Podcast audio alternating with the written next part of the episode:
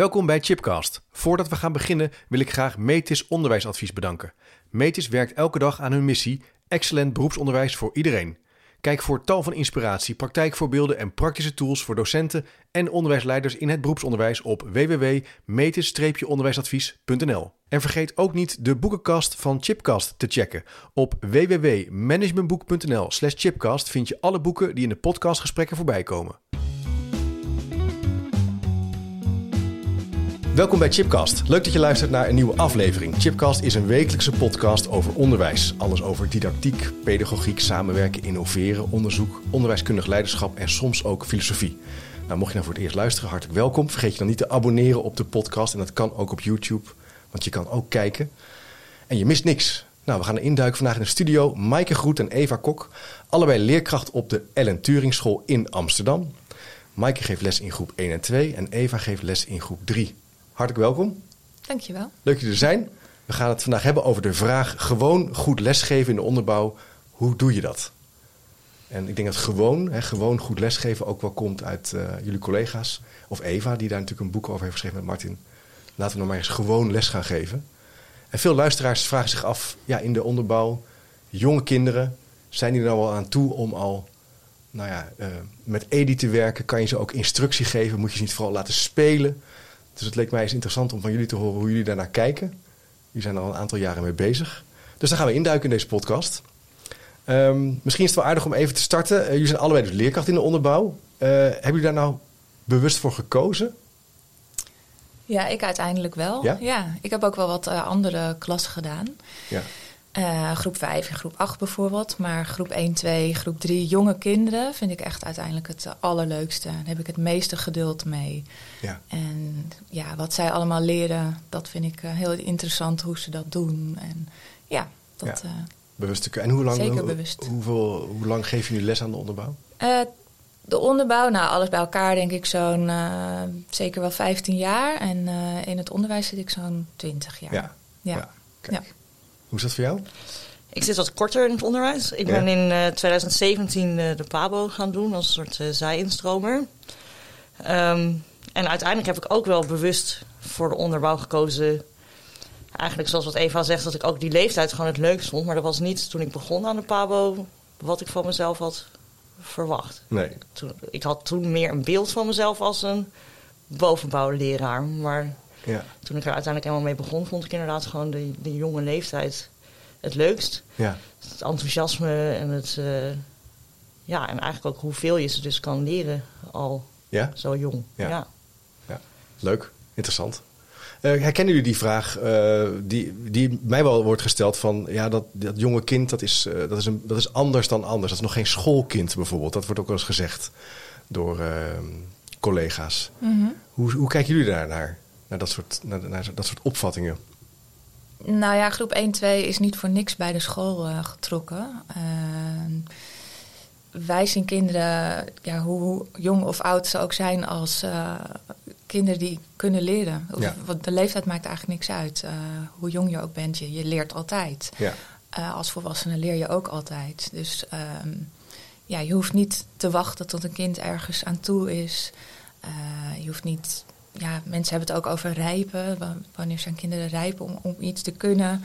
Ja, daar, daar, daar hebben wij het niet over uh, bij ons op school. Nee. Ze zijn uh, nooit uh, te jong of te oud om te leren. Nee, ze kunnen leren, ze willen leren. Ja, dus, ze, ze willen het ook. Ja. Ze willen het graag. Ja, dus wij- jullie bieden dat aan. Ja. Ja. Ja. En juist op die jonge leeftijd zijn ze super leergierig.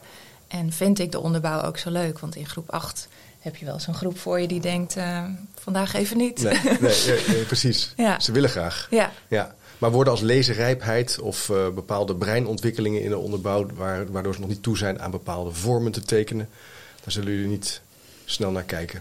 Eh, nee, wij gaan meer uit van eh, ja, de- wat je kinderen aanbiedt. Ja. En Ja. ja. de instructie van de leraar. Ja, en dat ze het dan ook leren als je het op de juiste manier aanbiedt. En dan hoef je niet te wachten totdat ze er aan toe zijn of rijp voor zijn. Dat, nee. nee, heel goed. Het is ook niet, niet eh, bewezen in onderzoek dat dat anders is dan eh, dat, dat het brein ineens tijdens je vier tot met zesjarige leeftijd eh, anders werkt Nee. dan daarvoor of daarna. Dus nee. Ik herken dat wel. Ik heb ooit een keer met Paul Kierster een podcast opgenomen over hoe leren kinderen. Dat was de Mhm. hoofdvraag die ik toen eh, wilde stellen. En toen- dat was nog online in het begin van de coronaperiode. En toen eh, zei eh, Paul eigenlijk meteen, ja, dat is eigenlijk een hele rare vraag. Je moet eigenlijk de vraag stellen, hoe leren mensen? Want we leren allemaal op dezelfde manier. Ja. Ja. En toen was ik echt een beetje van ondersteboven. Ik dacht, ja, dat is toch, is toch niet zo? Hij zei, nee, dat is op zich... Ik bedoel, natuurlijk eh, zijn er ontwikkelingen, eh, stappen en mensen, energie. Dat is allemaal wel waar. Maar in, in de hoofdregel leren we allemaal op dezelfde manier. Ja. Ja. Ja, oké. Dus dat hebben we eigenlijk al uit de weg eh, eh, geholpen dan dat punt van, nou, we leren allemaal op dezelfde manier. Dus vooral aanbieden, gestructureerd aanbieden. Zeker. Goed aan je, eh, aan je instructie werken en zorgen dat, ze het ook, dat je ook zeker weet als leerkracht dat ze het ook kennen en kunnen. Mhm. Dat zijn jullie eigenlijk ook wel even een bijzinnetje. Misschien kunnen we nog even inzoomen op de Ellen Turing School. Want we hebben, ik denk dat luisteraars de school wel kennen. Eva en Martin hebben natuurlijk een aantal belangrijke boeken ook geschreven over thematisch onderwijs, wat er nu aan gaat komen. Maar ook over gewoon weer les gaan geven, waar ik het in het begin al even over had. De werkplaatsidee, dus ook de professionele organisatie. Ik denk een van de beste, in mijn optiek, een van de beste managementboeken over onderwijs die er zijn. Want dat laat heel duidelijk zien hoe jullie georganiseerd zijn. Maar voor degenen die nu denken, ja, oké, interessant. Wat voor soort school is de Ellen Turing School? Kun je dat eens een beetje verkennen? Eh, ja. Het is een buurtschool in het centrum van Amsterdam. Ja, Eh, dus een school waar eh, alle soorten en maten kinderen rondlopen. En als je het hebt over, dus opgericht door Martin en Eva, eh, dan staat daar de leraar centraal. Dus op de school is alles zo ingericht dat de leraar eh, de beste manier zijn of haar werk kan doen. Mhm. En daarbij hebben we eh, ontzettend veel aandacht voor kennis en de basisvaardigheden. Dus dat is eigenlijk waar de hele school op toegespitst is. Goed rekenen- en taalonderwijs. En daarnaast heel mooi thematisch onderwijs, waarbij we heel veel aandacht besteden aan de kennis die we met alle, die we alle leerlingen meegeven. Ehm, binnen de thema's die we eh, hebben ja, in de school. ja. Dus Ja. dat thematisch onderwijs staat ook echt in het, heel centraal voor jullie. Ja. In hoe jullie eh, kijken naar eh, de dagen, de weken en de periodes. Ja. Ja. Ja, klopt. Ja, naast die basisvaardigheden. Ja, Dat ja. is echt eh, Ja. ja. eigenlijk het allerbelangrijkste basis. We geloven echt dat goed onderwijs voor iedereen is. En dat alle kinderen bij ons op school, eh, als ze groep 8 verlaten, dat ze allemaal goed kunnen lezen en allemaal goed kunnen rekenen. Ja. En eh, ja, dat in ieder geval op een bepaald basisniveau eh, van school afgaan. Ja, dus het concept wat je veel hoort, gelijke kansen. We moeten gelijke kansen creëren voor kinderen. Dan, zeg je, dan zeggen jullie, dat doen wij dus door, door heel goed onderwijs te geven. Dat ze veel weten, Ja. veel kunnen, veel leren. Ja, Al direct in de onderbouw. ja, Ja. Van heel jongs af aan. van heel jongs Ja. af aan. Kunnen jullie iets zeggen van hoe jullie dat dan doen? Eh, wat is iets wat typisch eh, eh, ja, jullie stijl, jullie visie op onderwijs laat zien? Nou, wat denk ik heel erg opvalt bij ons op school, is dat we het eigenlijk allemaal van groep 1 tot en met 8, groep 1, 2 zit samen hoor, maar dat dat heel erg op elkaar lijkt. Dus we hebben heel veel dezelfde ritmes en routines. Eh, het is overal, eh, ziet het dus er ze- hetzelfde uit. Dus de klaslokalen zijn op een bepaalde manier ingericht. Mhm. Er zitten wel wat verschillen in, zoals bijvoorbeeld bij groep 1, 2 zitten de kinderen in een kring. En vanaf groep 3 zitten ze in eh, rijen opgesteld. Ja, Maar ja, we hebben allemaal een themabord bijvoorbeeld aan de muur hangen. Ja. En ehm, ja, we hebben dezelfde gedragsregels. Dus het, het onderwijs lijkt heel erg op elkaar. Ik denk dat dat al iets is wat Ja. heel erg opvalt. bij Bijvoorbeeld ook dezelfde dagindeling. Dus eh, de ochtenden zijn echt ingeruimd voor reken- en taalonderwijs. En dan de middag voor thematisch onderwijs. Dus eigenlijk als je om half negen bij ons op school binnenkomt... dan zal je zien dat in elke klas eh, meestal rekenlessen worden gegeven. Ja. In groep 1, maar ook in groep 8. Eh, ja. zelfde ritme, Zelfde zelfde ritme. indeling, Ja. zelfde rituelen. Wat voor Ja. soort rituelen en afspraken zijn al gelijk in groep 6 met, in de, met de onderbouw bijvoorbeeld? Als het gaat over de opstart bijvoorbeeld.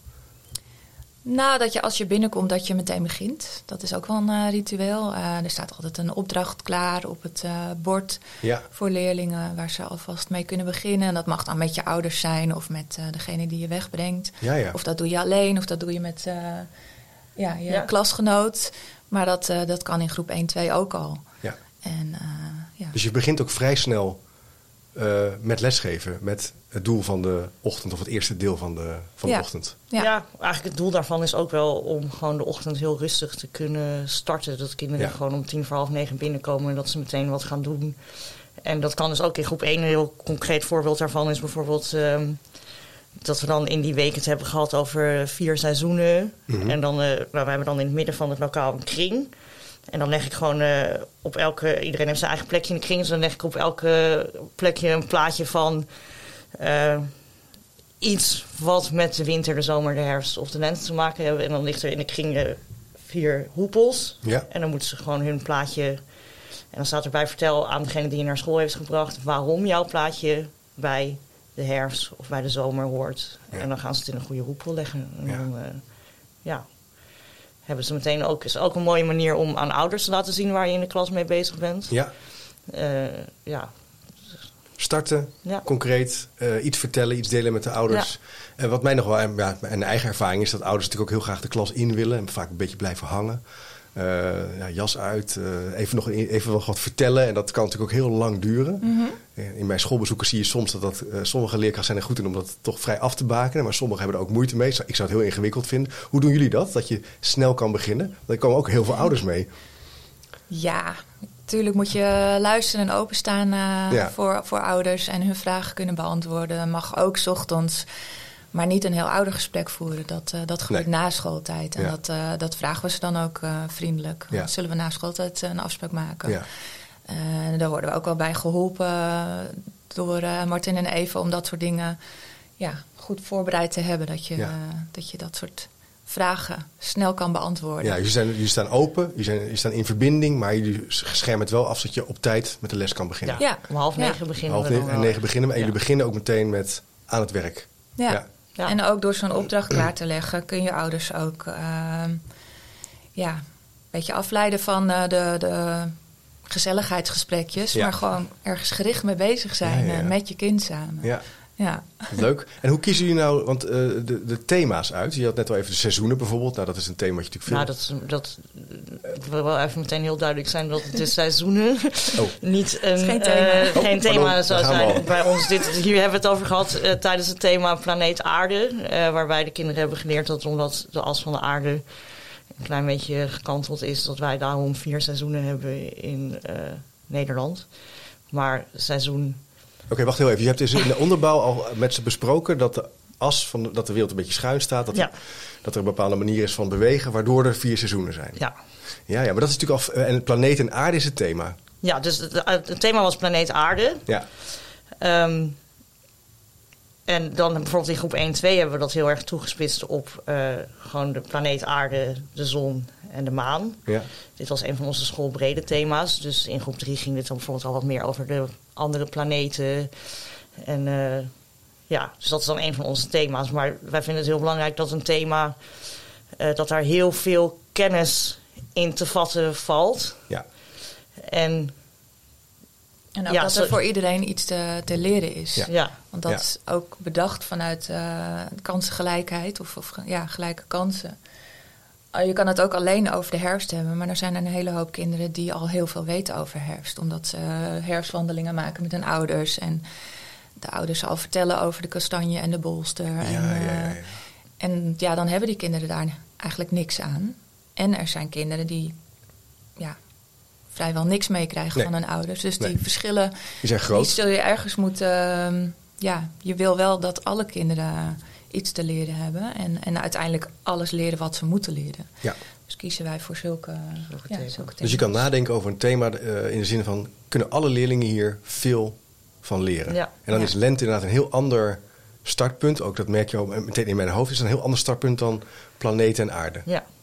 Ja. Ja, ja, ja. ja, van een thema als bijvoorbeeld de camping of eh, de schoenenwinkel. Dat soort thema's hoor je ook veel Ja, voorbij komen. ja. En dan, ja, dat vinden wij te beperkt. Dan, eh, Ja. ja. dan kunnen we er niet eh, te diep op. En het is eigenlijk ook ehm, zonde om, om, om het zo klein te houden. Want als je al wat dieper ingaat op geschiedenis, aardrijkskunde of, of eh, dat soort vakken, dan kun je in latere groepen daar weer wat in gaan verdiepen en Ja. wat, wat opbouwen qua kennis. Ja. En, ja, dan hebben ze al een beetje een, een basis. Ja.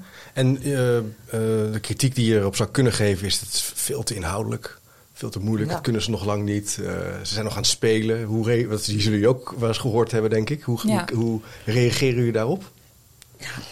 Het is gewoon niet. ehm, je merkt gewoon dat als je dit aanbiedt ook aan een groep 1, 2, die Ja. kinderen die, die vreten het op. Die Ja. vinden het heerlijk. die ze vinden het zo interessant. ja. ja, ja. en eh, juist. Ja, Een beetje ingewikkeld, eh, dat vinden ze leuk. Nadenken. Ja. Ja. Ja. Ja, als je een thema bijvoorbeeld over dinosauren, dinosaurussen hebt, al die namen van, eh, Ja. die, die kennen Ja. zij beter dan ik. ja, Ja, zeker. Ja. Ja. Ja. Dus het mag juist wel een beetje inge- eh, Ja. complex zijn. Ja. En een beetje uitdagen. Dat vinden leerlingen juist leuk. Ja. En al vanaf jonge leeftijd. Dus daar zijn jullie nooit in teleurgesteld. Of dat je denkt, nou, dat is achteraf geen goed idee. Nee. Nou, Je loopt natuurlijk wel eens, eh, Ja. maar nee, over het algemeen. eh, Je moet goed nadenken ook over de, de stappen die je neemt om het aan te bieden. Dus je moet wel Ja. heel goed bedenken, oké, wat moet ik nu vertellen Ja, om het ze te laten begrijpen. Dus als je het bijvoorbeeld hebt over dat de as van de aarde gekanteld is, ja, dan moet je natuurlijk wel heel goed gaan kijken ook naar een bol. En Ja. wat is dan een as? ja. En wat is dan. Ik heb ze dan bijvoorbeeld heel vaak met hun geoefend. draaien ze een rondje om je eigen as. Dat ze snappen het verschil tussen een rondje om je as draaien. of een rondje draaien. Oh ja. Dus dat je heel erg wel teruggaat naar die basis. Ja. Dat je heel goede stapjes neemt. ja. Rustig opbouwen. Rustig dat, ze opbouwen. precies. langzaam, dat ze langzaam gaan snappen wat om je as en kantelen betekent. Ja, ja, ja, ja. ja. Goh, dat is, dat is, dat is, ik denk dat het al heel interessant is. Eh, hoe, dus in de ochtend starten jullie vrij snel, gestructureerd. Dat thema staat heel erg centraal. Jullie vertelden even te loop, we starten vaak in een kring. Eh, ja, ik mag jullie alles vragen. Waarom zou je in een kring starten in de onderbouw? Wat maakt dat dat werkt? Eh, ja, het is een fijne opstelling voor, eh, voor Ja? jonge leerlingen. Ja, Ja. want ze kunnen allemaal naar de leraar kijken. Ze kunnen ook allemaal naar elkaar kijken. Ja. Ze zitten in een soort U-vorm bij ons. Helemaal rond lukt niet in de lokalen. Oh ja. Ehm, ze kunnen makkelijk met elkaar overleggen. eh, en, en ze moeten ook heel veel spelen. Ja. Er wordt echt heel veel gespeeld, ook bij ons op school. Ja, ja gelukkig Dat ga ik nog heel vaak zeggen, dat er echt veel gespeeld wordt bij ons op Sowieso school. de middag en ook waarschijnlijk in de instructieperiode in de ochtend. Ja, ja, zeker. S ochtends, middags, ochtends, buiten. Ja. ja. Ehm, dus een kringopstelling is dan heel handig, want je houdt heel veel ruimte over om eh, ook op de grond te spelen. Ja. En, eh, maar tijdens instructies is dat gewoon een hele fijne opstelling. ja. En dan Dus, eh, eh, is een kring Dus de prettig. kring is, is prettig en, het, Ja. en je oefent ook met ze om vlot in die kring te gaan zitten en weer eh, Ja. te gaan spelen op de grond of welke oefening Ja. je ook geeft. Ja, Precies. zeker. Ja. Ja, ja, dat is wel iets wat eh, aan het begin van het schooljaar eh, heel erg geoefend wordt, inderdaad. En de rest van het schooljaar, ja. Dan eh, heb je daar bepaalde liedjes voor. Of eh, je klapt drie keer in je handen en ze zitten. dat Ja. soort. ja. ja, ja, precies. Je hebt allerlei methodieken om ervoor te zorgen dat er structuur en ritme is Ja. Ja. gedurende die lessen. En ook heel veel routines die oefen je dan heel gericht. Maar natuurlijk op een, ja, in groep 1, 2 op een, een eh, leuke speelse manier. Maar je merkt ook aan kinderen van de jonge kinderen hebben daar ook heel veel behoefte aan. Die vinden dat hartstikke fijn dat eh, Ja. als er een belletje gaat, dat ze dan meteen eh, tien vingers in de lucht moeten opsteken. En eh, ja, Ja, leuk. En jullie werken ook met eh EDI, hè, met expliciete directe instructie. Ehm, wat je, hoe, hoe past dat binnen jullie onderbouwonderwijs? Kun je misschien wat voorbeelden geven hoe jullie ja, die lesfase of die methodiek eigenlijk gebruiken? Ja. Nou, bijvoorbeeld in de rekenles waar we het net al over hadden, die Mhm. dan eh, s ochtends begint. Ja, we gebruiken, nou goed, dus EDI, dus je doorloopt dezelfde lesfases. Ik doe het voor, we doen het samen, jullie doen het. En wat dan bij groep 1, 2 heel belangrijk is, is dat ze met concreet materiaal meedoen. Want dat dient eigenlijk twee doelen. Ten eerste houdt het ze actief en gemotiveerd. Mhm. Dus ze vinden het leuk. En je hebt daardoor als leraar meer zicht in of ze het lesdoel behalen. Ja, kan je daar een voorbeeld van geven? kunnen- Nou, bijvoorbeeld, ehm, ik geef een les over buurgetallen tot 10. Dan maak ik wel eens zelf eh, wisbordjes, voorgedrukte wisbordjes. Dus dan eh, kunnen ze dat wel uitwissen. Maar dan staan daar al een aantal cijfers op. En dan, nou, eerst eh, leg ik in de kring, dus die lesfase, dus doe het voor. Ik leg de cijfers in de kring. Wat is een buurgetal, de getallen daarnaast. Je laat het nog een keer aan elkaar uitleggen. En dan om het doel te checken, hebben ze dat wisbordje. En dan zeg je gewoon, hebben ze een stift. En dan zet een cirkel om de grote buur van de zeven. Ja. En dan, ja. Ja. Maar, maar ook met andere dingen, blokjes. Als we het eh, in groep 1 over cijfers hebben, tellen. Leggen ze allemaal vijf blokjes neer. Doe er nu eentje meer, eentje minder. Ja. Dus eh, ze, jullie werken dus ook veel met materialen met de Heel kinderen. veel, Want, ja. want dat is ook het checken van begrip, checken Precies, van eh, ja. of het is ook is overgekomen. Ja. En Ja. dat kan je, ze kunnen niet schrijven. Nou ja, Nee. ja, ze kunnen wel schrijven, maar Tekenen. nou, ze kunnen tekenen. tekenen. Ja. Ja, dus je wil op een andere manier checken, denk ik. Dus je Ja. hebt- daar heb je allerlei methodieken voor. Ja. En dat Ja. doe je veel met materialen. Ja. Heel veel materiaal, ja. Ja, ja. ja. En dus mee tekenen, eh, mee bewegen, eh, praten, herhalen van dingen. Ehm, ja, inderdaad, die controle van begripvragen zijn heel belangrijk. En dat ze dan ook antwoorden in hele zinnen, Ja. zodat ze goed reproduceren wat ze geleerd hebben. Ehm, Ja, dus, dus jullie zijn dan op dat moment al bezig met het antwoorden in hele zinnen. Zeker. Al in de onderbouw. ja. Ja. Kun jullie een voorbeeld geven, het verschil tussen, eh, ja, voor de luisteraar, tussen ja, kort antwoorden en antwoorden in hele zinnen? Hoe doen jullie dat dan? Ehm, ja, Bijvoorbeeld met die buurgetallen? Nou, met buurgetallen, kijk, dan, je, het is ook, oké, bijvoorbeeld met de buurgetallen, stel eh, je vraagt een kind wat is de grote buur van de zes, Ja, dan zegt hij zeven.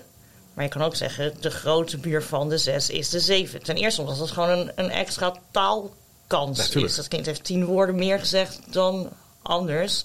En als je het meer hebt over eh, inhoudelijke doelen, dan is het misschien gewoon een extra denkstap Ja. die ze kunnen maken. Van niet, eh, het je is lente, maar omdat- het is lente omdat ik bloemetjes aan de bomen zie groeien.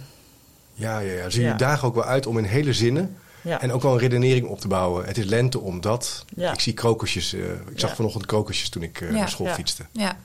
Of eh, het buurgetal van 6 is 7, omdat, of de grote Omdat het dan, eentje omdat meer het er is. eentje Ja. Ja. meer is. Ja, ja, ja. Dus dat is ook wel. Wat ik soms wel zie bij, op scholen is dat leerkrachten soms ook een beetje, ja, ik wil niet zeggen kinds, maar heel, toch, ja, toch wel een beetje kinderlijk Ja, praten. Ze Eh, houden ze te klein. ze houden ze een beetje te klein. Ja. Want dat, zie, je- dat heb, als ouder doe je dat ook wel eens, dat je een beetje zo, nou ja, te lief, te, dat is natuurlijk ook heel logisch, maar je wil Ja. natuurlijk ook dat het groter wordt. Dus letten jullie daarop dat je ja, vo- volledige zinnen antwoorden is eigenlijk al, is al iets, hè? Jawel hoor, je, kan, je kan ook lastigere woorden Ja. gebruiken. Je hoeft het niet per se te hebben over eh, eh, erbij of eraf. Je kan ook plus en min zeggen. Ja, je moet Ja. het allebei gebruiken hoor. Maar Ja. ik kon even een ander voorbeeld geven. Ehm, kenmerken is een woord wat wij veel gebruiken, bijvoorbeeld in eh, ook kleutergroepen. Ja, Wat zijn de kenmerken van ja. een insect, bijvoorbeeld? ja dat is Dat wel... is toch- Waarom zou je dat woord niet gebruiken? Ja, Ook wel uit onderzoek gebleken dat juist als je het hebt over gelijke kansen, dat het heel belangrijk is om academische taal te gebruiken tegen iedereen. Ja. Want dat blijkt ook uit, eruit dat je hoge verwachtingen hebt van alle kinderen. Ja. Niet, Ja. eh, ja. Ja. Dus ook in wat je zegt en hoe je uitlegt, woorden kiezen die academisch zijn of Ja. die echt eh, eh, ja, een, een grotere vorm van complexiteit hebben. Zoals kenmerk is natuurlijk inderdaad wel een mooi woord. Ja. En dat ook uitspreken naar de leerling al vanaf jonge leeftijd. Dat doen jullie dus heel bewust. Ja. Ja? Ja. Ja. en ook heel veel, want Ja? ja, daar moet je wel aan wennen en eh, dat moet je wel leren. En Ja. ja. ja, als je heel veel herhaalt en, en dat steeds doet, dan, dan lukt dat ook heel goed. Ja. Dan kan ik me ook voorstellen dat mensen nu luisteren en denken: ja, wat een onzin, waarom moet dat? Want eh, het zijn, ze zijn nog zo jong. Eh, ja, het is niet dat we er alleen maar daarmee bezig zijn. Een ander voorbeeld bijvoorbeeld tijdens een rekenles is dat als je het over groot en klein hebt, dan mogen ze van ons ook, om even een ander voorbeeld te geven, door, door de klas lopen en in de huishoek gaan zoeken naar spullen. En dan één ja. groot ding en één klein ding en dan dat met elkaar vergelijken. Ja. Of eh, ja, dat, dat, dat het wat speelser is. Ja, Want een wisbordje is best wel een schools iets. Maar het, het kan op allerlei manieren. Of met ehm, van die stokjes van kneks Ja. op volgorde leggen van Ja. groot naar klein. Ja, of, zoiets. eh, ja. ja, je kan tal van eh, materialen gebruiken in de klas Ja. om het ook speels te maken en ook leuk te maken. Want kinderen vinden het natuurlijk ook leuk om iets te pakken en te laten zien. ja. En dat Ja. is nog met name in die onderbouw natuurlijk nog wel wat sterker dan als je in groep 5 of 6, 7 of 8 zit. Ja, daar, daar kan het gewoon wel wat abs- abstracter zijn. En eh, dan heb je aan een plaatje van een wereldbol en een as genoeg. Ja. Ja, dus je moet het wel een beetje aanpassen, Ja. inderdaad. Ja. En interessant dat het dus in al jullie klassen, op de, dat jullie op dezelfde manier georganiseerd zijn. Dus dat de school eigenlijk heel herkenbaar is voor de leerling, maar ook voor jullie. Mhm. Ja. Dus dat je ook heel makkelijk als een. Dus is het dan ook zo dat een, een leerkracht uit groep 7 of 8 regelmatig bij jullie, dat jullie ook echt met elkaar het hebben over jullie didactiek, over je lesvoorbereiding? Ja. Of zijn het twee gescheiden werelden? Nee, Nee, dus dat kan heel makkelijk met elkaar. Ja. Kan jij een vraag stellen zonder dat iemand zegt: Oh nee, dat zijn hele jonge kinderen, daar weet ik niks van af. Nee, alle, alles wat. eh, ook studiedagen bijvoorbeeld doen we altijd met z'n allen. Dus als we het hebben over eh, ja, een onderwerp als lezen, zijn we altijd eh, met het hele team samen. Ja, En uiteindelijk moet, moet je dan weer wel met je, ja, je onderbouwteam bijvoorbeeld het iets meer gaan toespitsen op jouw Ja. leeftijdscategorie. Maar ja, het overkoepelen is altijd de hele school. Ja. We hebben ook bij alle vakgebieden eigenlijk heel veel aandacht voor een doorlopende leerlijn van groep 1 tot en met groep 8. Eh, daarvoor werken we ook met expertleraren. Dus Mhm. dan hebben we eh, bijvoorbeeld expertleraar rekenen. Die komt eh, ja, bij groep 1 rekenles kijken. En bij anderen daar praat je dan met elkaar over. Ehm, ja, de deuren staan bij ons ook altijd open. Dus we lopen veel bij elkaar naar binnen. We observeren veel van elkaars lessen. Als ik even gym heb, dan ga ik gewoon... ja, of naar groep 3, maar ook wel eens gewoon even in de bovenbouw zitten om naar een les te kijken. Daar kan je als leraar gewoon altijd veel van, eh, van leren. Ja, ik kan me voorstellen, omdat, omdat natuurlijk de onderliggende methodiek en de filosofie hetzelfde is, kan je heel Ja. veel van elkaar leren. Maar als toch iedereen, ja, ik chargeer een beetje, maar als iedereen het, een beetje het op zijn eigen manier doet, of als er een opvatting is van ja, de bovenbouw is toch echt wel anders, meer kennis, en de onderbouw zijn ze nog aan het spelen, Mhm. dan, dan is er ook niet zoveel te halen. Nee, precies. Ja, dat is bij als jullie dus iedereen niet het het anders doet. Nee. Nee. nee. Het, is, het is ook zo, en dat is misschien ook niet op elke school zo, dat iedereen in groep 1, 2, we hebben vier kleuterklassen Ja. nu, dat die allemaal hetzelfde pakket eh, aanbieden. Dus iedereen heeft dezelfde onderwijsdoelen, hetzelfde thema. Eh, dat is ook lang niet op elke school Nee. zo. Eh, ja, daar zijn leraren die allemaal zelf het wiel uitvinden. En, Ja. ehm, dat doen ja. jullie dus niet. Nee, Nee. nee. dat is echt zonde van de tijd. Je kan juist met elkaar heel veel bedenken. Dat is, Ja, als je goede thema's kiest, kan ik me voorstellen, dan is er ook heel veel te halen. Ja. Er is Ja. heel veel, waar we het in het begin over hadden, kunnen kinderen heel veel leren in het thema. En dan is het ook heel mooi toepasbaar voor, elke, voor elk niveau, voor elke groep. ja, ja. Daar moet je wel goed over nadenken. Want jullie hebben hier ook allerlei boeken meegenomen. Mhm. Eh, Man op de Maan van Arend van Dam. De Zon, Aarde en Maan. Allerlei leesboeken die jullie ook gebruiken. Ja? hoe Eh, kiezen jullie nou hoe, eh, van Anna Woltz? Zondag, maandag, sterrendag. Hoe kiezen jullie nou dit soort boeken uit Ehm, voor de onderbouw? Ja, eigenlijk gaan we ook gewoon naar de bibliotheek en eh, Ja. zoeken. Eh, we hebben ook op school een kast waar, eh, waar allemaal van dit soort boeken in staan. Ehm, en we hebben een leesexpert waar we veel informatie kunnen halen. Ja. Ehm, het eerste wat we doen is, wat willen we kinderen leren over een bepaald onderwerp? Dus Ja. je, je stelt een aantal doelen op. Dus bijvoorbeeld, waarom zijn de seizoenen er? Of, of wa- wat is het verschil tussen een ster en een planeet? Eh, dus je, je moet eerst bedenken, wat wil ik onderwijzen? Ja. En dan gaan we zoeken, ja, waar, waar kun je dit vinden? In welke boeken? En welke zijn er dan geschikt Ja. voor onze kinderen? Dus eerst de doelstelling bepalen. Ja, altijd. Wat willen we bereiken? Ja, dat is altijd zeker. Ja. ja. En niet denken van, eh, nou, het wordt eh, ruimte. En we gaan gewoon naar de biep gaan gaan kijken welke ruimteboeken ja. er zijn. Jullie gaan, want dan ga je dus, en, en, en dan ga je daarna ook naar die boeken op die manier kijken. Van, kunnen we hier ook antwoord vinden op onze doelen? Ja, Ja. absoluut. Zo, gaat, Ja. zo gebeurt het. Dan worden ze ook besproken dan, de boeken? In het team? Ja? Ja. Oh ja, dus je gaat gewoon dit allemaal... le- Ja? Ja, niet dat we met z'n allen dezelfde boeken lezen, maar of eh, dat je bijvoorbeeld eh, een boek hebt en eh, je hebt er al les bij gegeven, maar dat je gewoon even met elkaar wil sparren van wat zou jij nou nu als een volgende stap doen met dit boek? Of eh, Ja. ja, Ja. zo, zo eh, werken we heel veel met elkaar samen. Ja. Ja. Ja. ja, of echt hele lessen voorbereiden. Je kan ook gewoon echt een, een les voorbereiden met een PowerPoint erbij eh, en zo. Meestal bedenken we dan globaal de, de, de- het doel en de, de opzet van de les. Mhm.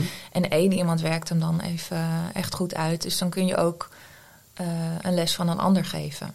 Lessen uitwisselen. En, eh, Oh ja. Dus je, Ja. je, werkt het, je werkt de les uit. En je Ja. kan vervolgens van elkaar Ja. ja, die opzet gebruiken. ja, ja, juist. ja. Juist. Ja. Ja. En dat wordt dan vooral binnen de, de bouwen gedaan. Ja. Ja, dus onder, midden en, en bovenbouw. En dat is voor, voor ons heel handig als leraar, omdat je dan niet allemaal zelf eh, alle lessen hoeft eh, te maken. Maar voor de kinderen ook, want als groep 1, 2 in elke klas of elke verschillende 1, 2 allemaal wat anders geleerd hebben. En ik krijg ze dan in groep 3, krijg ik allerlei. Ja. Heb, je weer, heb je heel veel verschil. Ja. Je weet het eigenlijk niet. Dus je wil, dat wil je eigenlijk voorkomen ja, door toch een vorm van gelijkmatigheid te organiseren. Eh, en dat doe je dus door samen de les voor te bereiden. En dat op Precies. dezelfde manier te doen. En, Ja. en dan nog, want we krijgen wel eens de kritiek dat dan bij ons op school de leraren geen autonomie zouden hebben. Maar dan nog eh, geef je natuurlijk je eigen draai eraan en zal je alsnog wel zien dat zo'n les anders verloopt bij een andere leraar. Maar het doel is hetzelfde, dus aan het einde van de les hebben de kinderen wel dezelfde kennis. Ja, jij moet Ja. ook die les geven uiteindelijk. Dus dat is, ja, veel Ja. autonomer kan het niet worden, zou je kunnen zeggen. Ja. Maar dat bereid je wel voor. Ja, En er zit ook natuurlijk, daaronder zit ook natuurlijk een organiseerprincipe. Dat het ook wel handig is qua, je- qua de tijd die je hebt. Je hebt zoveel uur per week dat je van elkaar Ja. ge- eh, expertise gebruik kan maken. En dat doen jullie dus ook heel bewust. Dus thema's kiezen, samen literatuur kiezen, lessen voorbereiden, bij elkaar kijken. Ja, En dat doe je eigenlijk in de middenbouw, in de bovenbouw, maar zeker ook in de onderbouw. ja. Ja. Overal. Ja. En als je nou nieuw bent als collega, eh, en je, ja, hoe, hoe, eh, ga je dan ook, kan je dan gewoon de lesvoorbereidingen oppakken en gaan geven? Of wordt dan ook van je verwacht dat je eh, zelf zo'n les gaat voorbereiden om, eens, om erin te komen? Hoe, hoe gaat dat dan? Ja, dat, dat gaat denk ik heel geleidelijk. Gaat geleidelijk. Ja. Ja. Je mag ook in het begin vaak eh, heel veel meekijken met leraren. Dat is Ja. denk ik heel fijn bij ons Ja. op school. Dat er veel eh, tijd wordt vrijgemaakt om gewoon in de klas Ja. te zitten Ja. bij, eh, bij Ja. een andere leraar. Zodat je goed kan eh, eerst gewoon observeren. Kijken hoe iemand het doet. Wat dan die ritmes en routines zijn. Structuur denk van ook wel dat dag. daar de expertleraren een hele belangrijke rol in spelen. Want die zijn, kunnen dan heel goed zeggen van nou, ehm, ga eerst als leraar eens even deze vaardigheid onder de knie krijgen. Bijvoorbeeld Ja. eh, met de literatuur. Ga eerst eens kijken, eh, kies eens een tekst uit. Vertel mij eens waarom je dit een geschikte tekst vindt om een les over te geven. En zo stap voor stap eh, dat uitbreiden. Ja, ja, ja. Ja. Dus dan word je echt in begeleid. Ja, Om vanuit die, dus het telkens weer vanuit die doelen eigenlijk te gaan ontwerpen en te gaan maken. Ja. En dat begint eigenlijk al in die onderbouw. Dan kan er dus, ja, ja heel interessant. En, en hebben jullie dan ook, is het voor jullie ook heel helder wat de doelen zijn in groep 1 en in groep 2 en in groep 3? Is dat ook heel scherp voor jullie? Hebben jullie het daar regelmatig over met elkaar? Ja, nou, sinds de op- oprichting hebben we eigenlijk een driejaar- driejaarlijkse cyclus eh, voor de thema's. Oké, driejaarlijkse, driejaarlijkse Ja. cyclus. en voor rekenen en taal hebben we daar gewoon een, eh, ja, een duidelijke leerlijn voor groep 1 Mhm. en groep 2 en, en zo verder eh, op papier staan. Ehm, Ja. ja. En hoe, hoe is de verbinding bijvoorbeeld, eh, wat je veel ziet, is misschien een ander onderwerp, dat er tussen 2 en 3 een soort, dat het soms een beetje, ja, hoe zeg je dat, een gat is of dat er niet, geen nauwe aansluiting is. Hoe, hoe, hoe verankeren jullie die aansluiting tussen 2 en 3 bijvoorbeeld? Kun je daar eens op inzoomen? Nou, ten eerste, dus eh, we hebben hele concrete doelen van die de kinderen gehaald moeten hebben voordat ze naar groep 3 gaan. Ja. Of, eh, ja dus eh, op... dat zijn meetbare Ja. doelen. Bijvoorbeeld, hij kent 16 letters. Hij kan hakken en plakken. Kan een midden, begin, midden, eindklank van een woord benoemen. Als je het dan over lezen hebt. En met rekenen gaat het dan over de getallen tot 20. eh, kan de buurgetallen benoemen. Eh, ja, dat zijn gewoon hele concrete, meetbare doelen. Die niet door andere leraren anders te interpreteren zijn. En eh, eh, zo- wat zei je nou gisteren? Ja, ze zei, zo'n- Ja, er staat wel eens zo'n, zo'n... Wij hebben onze eigen observatielijsten, maar je hebt eh, allerlei observatielijsten van methoden of... eh, Ja, ja, En daar staan soms wel eens hele vage dingen in. Of, of van die onzin eh observatiedingen als kan, kan het kind zijn beker openmaken. Ja, ja. het gaat gewoon het om de algemene zelfstandigheid. Niet Ja. om of het kind heeft gevoel voor taal. Ja, dat kan zij heel anders invullen Ja, dan is- ik. Dat kan je, daar kan je wel een heel meetbaar. boek over schrijven. Gevoel Ja. voor taal. Ja. En een beker zou je van kunnen denken, ja, misschien eh, heeft hij of zij geen beker, maar een pakje. Ja, ja. Of een dopper die makkelijk open gaat. Dus, dus je moet dus ook weer bij die doelen oppassen dat ze voor verschillende manieren interpreteerbaar zijn. Dus ze Ja. moeten gewoon heel helder, concreet en, en meetbaar Ja. zijn. Ja. En daarnaast is de overgang van groep 2 naar groep 3 verloopt dat soepel juist door die eh, ritmes en routines die gewoon het, hetzelfde zijn. ja. Eh, Dus die ja, doelstellingen zijn, zijn, staan, staan niet ter discussie, zijn helder. Ja. Ondanks toch de soms vage doelen die nationaal eh, opgelegd worden, die streefdoelen. Want daar, daar hebben jullie dus zelf, denk ik, ook werk aan verricht dat dat heel expliciet is. Mhm. Ja. Ja. En er zijn del- heldere ritmes en routines, waardoor die overgang eigenlijk ook soepel gaat. ja, ja. Ja, ja. De structuur van de dag, maar ook de gedragsaanpak. Kinderen weten wat, ze, wat wij van ze verwachten, wat ze wel en niet mogen. Ehm, ja, ouders worden daar ook heel erg in meegenomen. Die, die, die, ja, die, die, ik, ik zie echt nergens een gat bij ons. Nee. Nee, een gat tussen twee en drie. Tuurlijk, ze zitten dan wel aan een tafel en, en voorheen dan in de kring. Ze spelen een stuk minder of eigenlijk helemaal niet meer.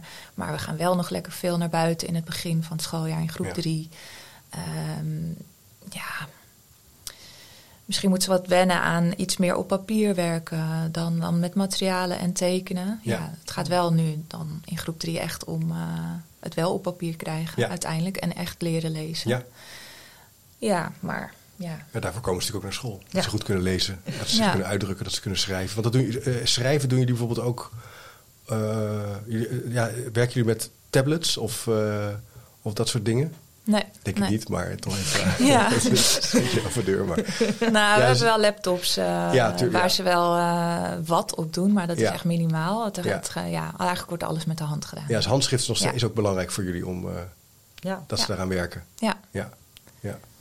En, en hoe, eh dus, dus mooi, de doelstellingen, ritmes en routines, eigenlijk vroeg mee beginnen. Veel aandacht voor kennis, veel aandacht voor lezen. Met elkaar goede thema's kiezen, waar ook veel in te halen en te vinden is. Eh, jullie zijn ook bekend met het, eh, vanwege eh, sterk aandacht voor het maakonderwijs. Het creëren, het ja, toffe dingen maken. Dus ik ben er ooit een keer bij jullie een paar jaar geleden geweest dat ik echt dingen zag. Dat ik dacht, met so- solderen en van alles piepschuim. Dat je echt Mhm. dacht, wauw. Eh, hoe, hoe, hoe krijgt dat een plek in het onderwijs, in de onderbouw? Dat maken en creëren? Ja, het is eigenlijk ook weer op dezelfde manier als in de rest van de school. Eh, dat we ja, werken vanuit een visie dat het maakonderwijs. ehm, je, je, doorloopt eigenlijk tijdens een thema verschillende fases. Dus het begin van het thema eh, gaat heel erg over de kennisoverdracht van de leraar naar het kind. Maar tegen Mhm. het einde van het thema gaan kinderen die kennis eh, zelf toepassen. En dat gebeurt heel vaak in een maakopdracht. Hm. Dus ehm, ja, wat ik een heel mooi, voor, maar goed, eh, ja, een mooi voorbeeld is bijvoorbeeld toen we het hadden over planeet Aarde. eh, hebben de kinderen zelf een informatieboek gemaakt. Eh, dus dan moesten ze gewoon één onderwerp van waar ze over hadden geleerd in tweetallen kiezen. En daar dan een grote tekening. Ja. Oké, wacht, ik moet even helder uitleggen. Dus hebben ze daar een grote tekening bij gemaakt. Soms al zelf wat dingen bijgeschreven. Maar dan gaan ze dus zelf nadenken: oké, wat, wat is een informatieboek? Hoe ziet dat eruit? Ja, En wat ga ik nu van wat ik in dit thema heb geleerd op mijn bladzijde in het informatieboek schrijven? En daarnaast hebben we dan in het maakonderwijs ook nog vaak dat ze ook nog wel een bepaalde vaardigheid daarbij leren. Dus in dit geval hadden we ze teken, laten tekenen met pastelkrijt. Dus dat ze daar dan oh ja. ook nog eh, ervaring mee opdeden met dat pastelkrijt. ja, dat is de techniek. van techniek, het, eh, precies. Er zit er ook een techniek het- bij. Je kan het ook een beetje zo uitvegen Eh, ja. met je vingers bijvoorbeeld. En dan de, in die tekening kunnen ze dan ook wel echt hun creativiteit Oh ja. kwijt. En wat ik ook wel een heel mooi voorbeeld vond, in, dan in groep 3 hebben ze zelf een planeet eh, ontworpen. En gemaakt van papier-maché. Dus dan heb je weer die techniek met werken met papier-maché. Maar dan moesten ze ook goed nadenken waar in het zonnestelsel staat mijn planeet. En wat heeft dat dan voor invloed op het weer? Is het dan warm of is het er koud? Eh, Wie woont er? wie woont, Wie woont er in de Ja, onderbouw? voor, eh, Laat- ja, dus wie woont er? Dat is dan toch wel weer gewoon een eh, Fantastisch. creatieve onderdeel wat ze er echt wel in kwijt kunnen. En dan ga je ook al, dan vraag je er ook naar kennisaspecten van. Is het daar koud of is het Ja. daar warm? Ja. Eh, staat, hè, is Ze de moeten as, eigenlijk terughalen wat ze geleerd hebben. Ja. Daar moeten ze mee aan de slag. ja, En daarbij mogen ze ook wel zelf nog onderzoek, eh, onderzoek doen. ja, Van wat kan ik er nog meer over vinden? Eventueel zelf. Dat kan ook wel in groep 1, 2 met, eh, met bijvoorbeeld dat soort boeken van eh, willen weten. ja, En, ja, en hun creativiteit wordt. eh, ja, ja, ja. Aangewakkerd, maar ook aangemoedigd van Ja. ga, ga iets maken. En je voegt ook weer iets nieuws toe, hè, Ja. tekenen op een nieuwe techniek.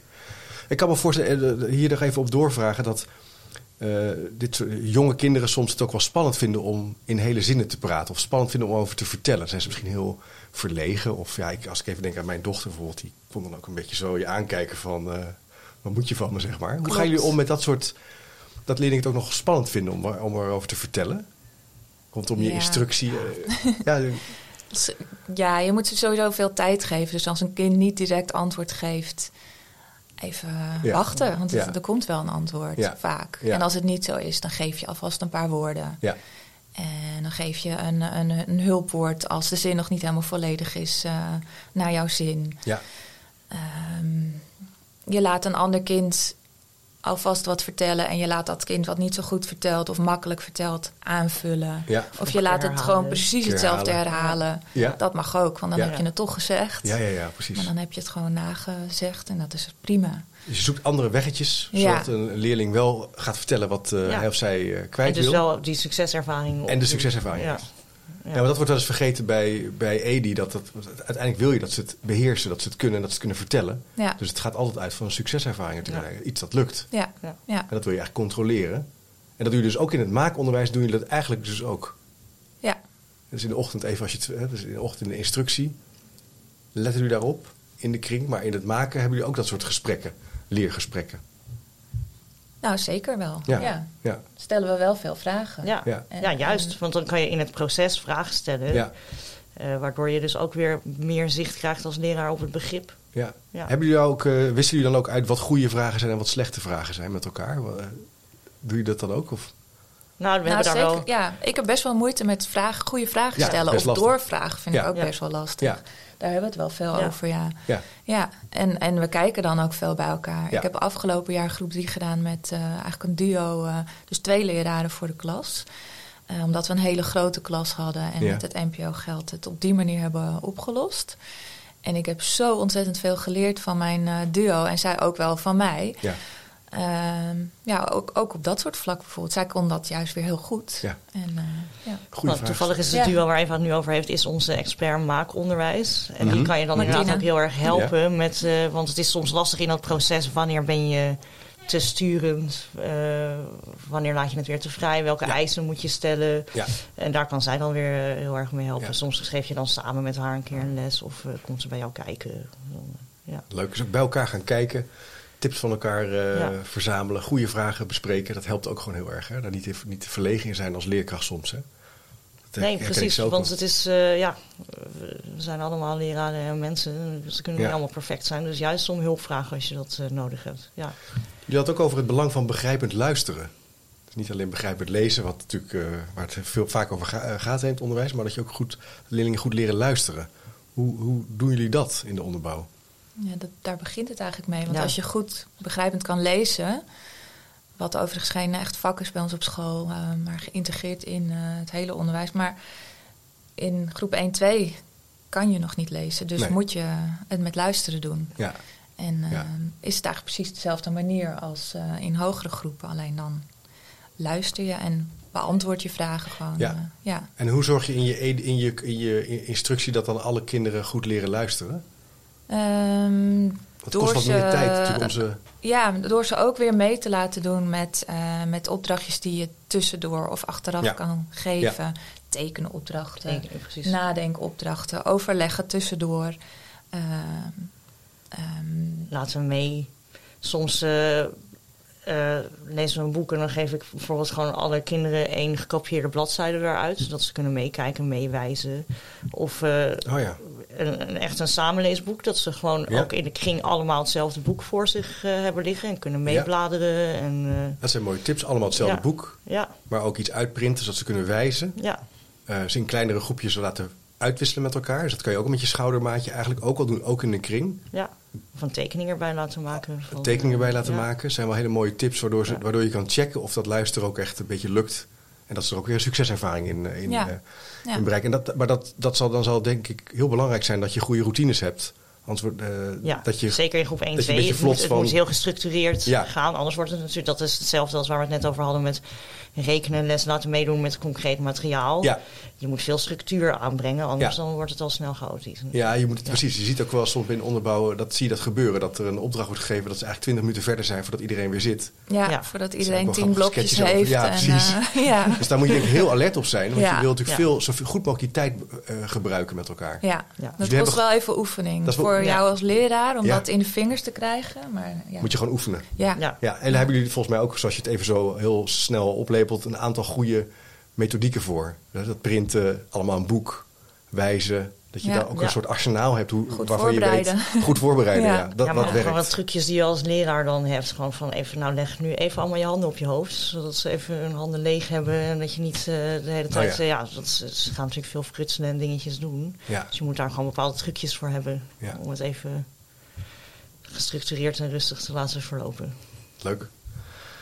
Eh, super interessant om hier met jullie over gedachten te wisselen. Eh, volgens mij wordt er eh, veel geleerd en veel gedaan bij jullie in de onderbouw. Ehm, nou, het zijn natuurlijk een beetje open deuren, hè, dat, dat, maar toch nog even dat punt nog verkennen van ehm, ehm, ja, die leerlingen moeten nog zich, kunnen ontdekken, ontdekkend leren. Ze moeten ze niet vastzetten in het onderwijssysteem. hoe kijken jullie nou naar dat soort discussies, ook misschien nationaal, als, als leerkrachten, als professionals? Nou ja, wij, wij vinden ook dat ze ook veel moeten spelen. Ja, Dus dat doen ze ook. ja, ja. Ja, het klinkt misschien alsof we de hele dag aan het lesgeven zijn, eh, aan het zenden zijn, maar dat, eh, dat is niet zo. Want jij Nee. hebt in groep 1, 2, wat hadden we bedacht? Vier momentjes van in de kring en echt een Ja. eh, gerichte ja. lesgeven. Les, ja. Ja. En dan hou je natuurlijk altijd dag, rekening met de spanningsboog. Dus ja, die duren dan maximaal 20 minuten of zo. En ook binnen die lessen heb je weer afwisseling tussen dat ze even actief bezig zijn en stil Ja. moeten zitten. En als je het hebt over ontdekkend leren, ehm, ja, vinden wij wel dat we kinderen moeten lesgeven vanuit hetzelfde startpunt. En als je kinderen zelf laat ontdekken, wat jij net al zei over eh, bijvoorbeeld niet een van onze thema's, maar het thema herfst. En kinderen gaan al heel veel met hun ouders een herfstwandeling maken in het bos. En je legt allemaal herfstdingen op tafel. Dan zal dat kind die dat met zijn ouders doet, daar al allemaal dingen over weten. En die leert dan meer op dat moment dan een kind dat dat allemaal nog niet Ja. gedaan heeft. Dan begin je niet vanuit hetzelfde startpunt. En dan Nee. werk je juist ongelijkheid in de hand. Ja. Ehm, dus wij vinden het heel belangrijk dat wij als leraar eh, de touwtjes in handen hebben. En dus ook op die manier ook weten wat kinderen leren, daar zicht Ja. op hebben. En dat heb je minder als je met ontdekkend leren bezig Ja, bent. jullie willen hun wereld groter maken. Ja. Dus jullie zijn daarvoor eh, regisseur Ja. van het proces. En dat moet je dus gestructureerd doen. En het risico is bij die ontdekkende route dat alleen degene die eh, ja, het al hebben Ook. meegekregen het meest leren. En eh, dat, Ja. dat Ja. kinderen misconcepties Ja. eh, Ja. eh, opdoen. Ja. Ja, en dat je dus minder de regie in handen hebt als leraar. Ja. En het is, het is ook veel eh, bewerkelijker. Als je bij, bij elk kind moet gaan kijken, heeft hij het al ontdekt? Ja. Ja, Dat kost ontzettend veel tijd. Ja. Terwijl als je het de hele kring aanbiedt, Ja. dan heeft misschien niet iedereen het meteen helemaal onder de knie. Zeker in 1-2 niet. Maar eh, het grote deel wel, want die hebben dat gewoon laten zien direct in die kring. ja. Dat Er zit ook een organiseerkant aan. observeren. Ja. Ja, Ja. ja. leuk. Misschien nog tot slot, wat zijn jullie hebben ook wat, ja, wat favoriete werkboeken meegenomen waar je zegt dat zijn de boeken die ons wel echt helpen. Misschien kunnen we ze kort nog even doornemen. Waarom die nou juist ook voor de onderbouw zo, eh, Nou, de- fijn ja, zijn. Deze is echt voor iedereen eh, Ja. nuttig. ja, zeker. Hier staat gewoon heel concreet in wat, wat je per leerjaar eh, moet leren. Ja, leerlijnen voor het basisonderwijs. Ik zal even de linkjes ook plaatsen eh, in de speaker notes als je nu luistert. Dan kan je dat ook even opzoeken. En als je met Edi werkt, is, is dit boek gewoon heel handig. Want hierin staat een heel duidelijk hoofdstuk over groep 1, 2. En hoe je dat dan Ja. doet. Dat is het boek Expliciete Directe Instructie. Dat is vertaald door Marcel Smeijer van eh, John Hollingsworth en Sylvia Ibarra. Ja. Die waren overigens vorig Die jaar zijn hier bij ons op school geweest. Bij jullie in de stu- Ja. eh, op school en die zijn hier ook in de studio toe Ja, geweest. ja. Eh, Ja, leuk. om het over hun, ehm, eh, om, ja, deze methodiek te hebben. Ja, Ja. Dus dat is een super interessant en mooi boek. ja. Ja. Marcel komt ook elk jaar weer eventjes bij ons langs om gewoon ehm, de kennis weer op te ja, frissen. jullie doen dat, organiseren dat ook heel gestructureerd, Ja. hè, die professionalisering. Structuur is alles bij ons. Ja, die zijn heel gestructureerd. ja, maar het is wel slim, want je hebt maar zoveel tijd, dus je moet het slim organiseren. Eh, ja. Ja, ja, dus dat kan je beter maar, eh, maar inplannen. En ik zie ook een boek met plezier naar school. Eh, ja, die heb ik ook meegenomen. Omdat Ja. ouders gewoon ook heel belangrijk zijn eh, bij ons op school. Ja. En, en dit boek daar ook gewoon heel erg bij helpt. Want dit gaat heel erg over gesprekken voeren met ouders. Ja. Daar hebben we het ook heel veel over eh, op school. En Noelle Paamij, komt ook bij ons op school om daarover te praten. Deze heb ik nog meegenomen. Die is denk ik heel goed voor beginnende leraren ook in groep 3 en, en groep 1, 2 ook wel. Ja, te technisch lezen in een doorlopende lijn van Marita Eskes. Ja, ja. ja. Het is ook een heel mooi boek over het nou ja, technisch leren lezen, hè, hoe dat werkt. Ja, Ja. en ook wel op een edi manier. Niet, niet, het gaat niet over ontdekken of over Nee. eh, ja, Gestructureerd en georganiseerd. Ja, ja. Ja. heel fijn. En ik heb nog deze. Ja, hier, dat komt, deze heb ik meegenomen omdat we eigenlijk alles doen wat eh, effectief bewezen is. Of hoe zeg ik dat goed? Ja. Er is onderzoek naar gedaan. Ja. En eh, ja, hierin staan gewoon heel veel van dat soort voorbeelden. En uitgewerkt ook. Best wel, ook wel een soort praktisch. Ja. En eh, ja, ik, vind- ik vind dat eh, wel een mooie verzameling. Ja, het is een heel mooi boek. En ik denk ook wat je zegt, ook het- dat het onderzocht is. Kijk, er wordt te- tegenwoordig heel veel onderzoek gedaan naar onderwijspraktijken. Maar dat kunnen bijvoorbeeld ook case studies zijn of kwalitatieve onderzoeken. Volgens mij zoeken jullie ook wel naar eh, onderzoeken die een bepaalde eh, omvang hebben en eh, betrouwbaarheid hebben. Ja. Dus dat het ook in enige mate voorspelbaarheid geeft op, als je ervoor kiest, dat het ook werkt. Ja, klopt. Eh, en dat is Ja. wel een verschil met bijvoorbeeld on- met eh, bewegend leren rekenen. Ja, daar worden wel onderzoekjes naar gedaan, exploratieve onderzoeken. Maar die hebben eigenlijk heel weinig eh, rigor, zoals dat heet. Maar dan, ja, dat, dat, ja, als je het hebt over wat bewezen echt werkt, dan heb je het toch ook over iets wat in een grote groep Ja, werkt. Anders kan je het Ja. toch ook niet per se als bewezen. Nee, nou goed, daar kunnen we nog een hele podcast Ja. over. Sommige wetenschappers zijn het hier niet mee eens. Ik, zou, ik volg die lijn ook wel. Die wil toch een, een grote steekproef hebben bijvoorbeeld. En misschien Ja. ook wel een, eh, een eh, controlegroep bijvoorbeeld. Hè, dat je weet het verschil. Het is natuurlijk wel moeilijk. Het is sociale wetenschap. Het is geen sterrenkunde. Dus je, kan, je moet altijd wel Ja, voorzichtig zijn met uitspraken. Maar we weten wel bij, bij EDI bijvoorbeeld en bepaalde cognitieve leerpsychologie theorieën dat die gewoon, eh, ja, die, die werken zo. Hè? Zo werkt het brein bijvoorbeeld. Hè? Dus dat, eh, dat is Ja. zeker wel behulpzaam. Dus dat zijn wel mooie, mooie publicaties. En leuk dat jullie die hebben meegenomen. Naast de prachtige boeken die je natuurlijk met leerlingen lezen. Want het is vooral, en ik hoop dat dat de luisteraar ook onthoudt, ontzettend leuk en fijn om in de onderbouw volgens mij te zitten bij jullie op school. Absoluut. Je leert veel, je bent veel met elkaar in gesprek. Je, je hebt structuur, je leert ook eh, de rituelen, hoe je op school echt met elkaar leert. Dat er een doorlopende, soepele leerlijn is. En dat is echt heel specifiek ook voor de onderbouw. Maar eigenlijk voor elk kind, elke leerling, elk mens Mhm. werkt dat zo. Ja. Ja. Ben ik nog wat vergeten tot slot? Misschien een laatste gedachte. Dat je zegt, ik wil nog even iets kwijt over hoe wij lesgeven eh, in Amsterdam. Nou ja, ik weet niet. Nee, ja. Dat het, eh, ja. Dan wil ik Kom nog vooral een een keer kijken. promotie maken voor, Ja. de- voor het vak. Ja, Ja. graag. Ja. Ja. Ja, word leraar. Want Word het is leraar, echt ja. een heel leuk beroep. Ja. En eh, ja, ik heb er uiteindelijk heel bewust voor gekozen. Eh, ik heb eerst nog even de hotelschool gedaan, maar Hm. op een of andere manier is on- ons team heb- heeft allemaal iets anders eerst even gedaan en toen gekozen voor. Oh ja? eh, Ja, bijna iedereen Toch nog is even latere leeftijd Pabo. Oh. Ja. ja. dus Interessant. heel, ja, dat vind ik ook wel. Hoe dat komt, weet ik niet. Maar iedereen is ja, heel erg blij eh, bij ons op school. En eh, ook trots om, om Ja. leraar te Ja. zijn. En, eh, Ja. dat stralen jullie ook uit. En eh, ik denk ook dat het heel interessant is voor eh, collega's uit het land om jullie te volgen. Dus wat dat betreft, eh, mooi pleidooi. Word leraar, schrijf je in op de PABO, maak die stap. ja. Wordt steeds beter betaald ook en het wordt alleen maar mooier. Absoluut. Dus wat dat Ja. betreft, Ja. En je wordt er blij van. ja, je wordt er blij van. Ja. Het is gewoon fantastisch werk. Ja. Ontzettend leuk om met jullie eh, in gesprek te gaan in de podcast. Dankjewel voor jullie tijd. Ik zal de linkjes naar de boeken ook even... wordt een lange lijst, maar die ga ik even in de speaker notes ook opnemen... zodat je die kunt bestellen. Als je het wil, dan heb je ze ook gewoon in huis. Waarom niet? Ehm, ik vind het heel fijn als je de tijd wil nemen om een review te schrijven... over dit gesprek, hoe eerlijk, hoe beter. Dat helpt dan weer voor de zichtbaarheid voor het kanaal. Uh, Maaike, Eva, dankjewel voor jullie uh, tijd en het leuke gesprek. En uh, ik zou zeggen, beste luisteraar, tot de volgende keer. Nieuwsgierig naar meer? Abonneer je op de nieuwsbrief en je mist niks. Ga naar www.chipcast.nl slash doe mee.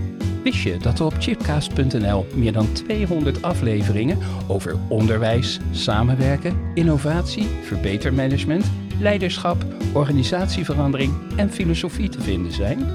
Blij met deze podcast? Je helpt Chip enorm met een review of recensie op Spotify of Apple Podcast. Je kunt trouwens alle gesprekken op YouTube bekijken. En vergeet je dan niet te abonneren. Tot slot nog even dit. Managementboek heeft ook een podcast, De Boekenpraktijk, over managementboeken. Check ook deze podcast via je favoriete podcast app.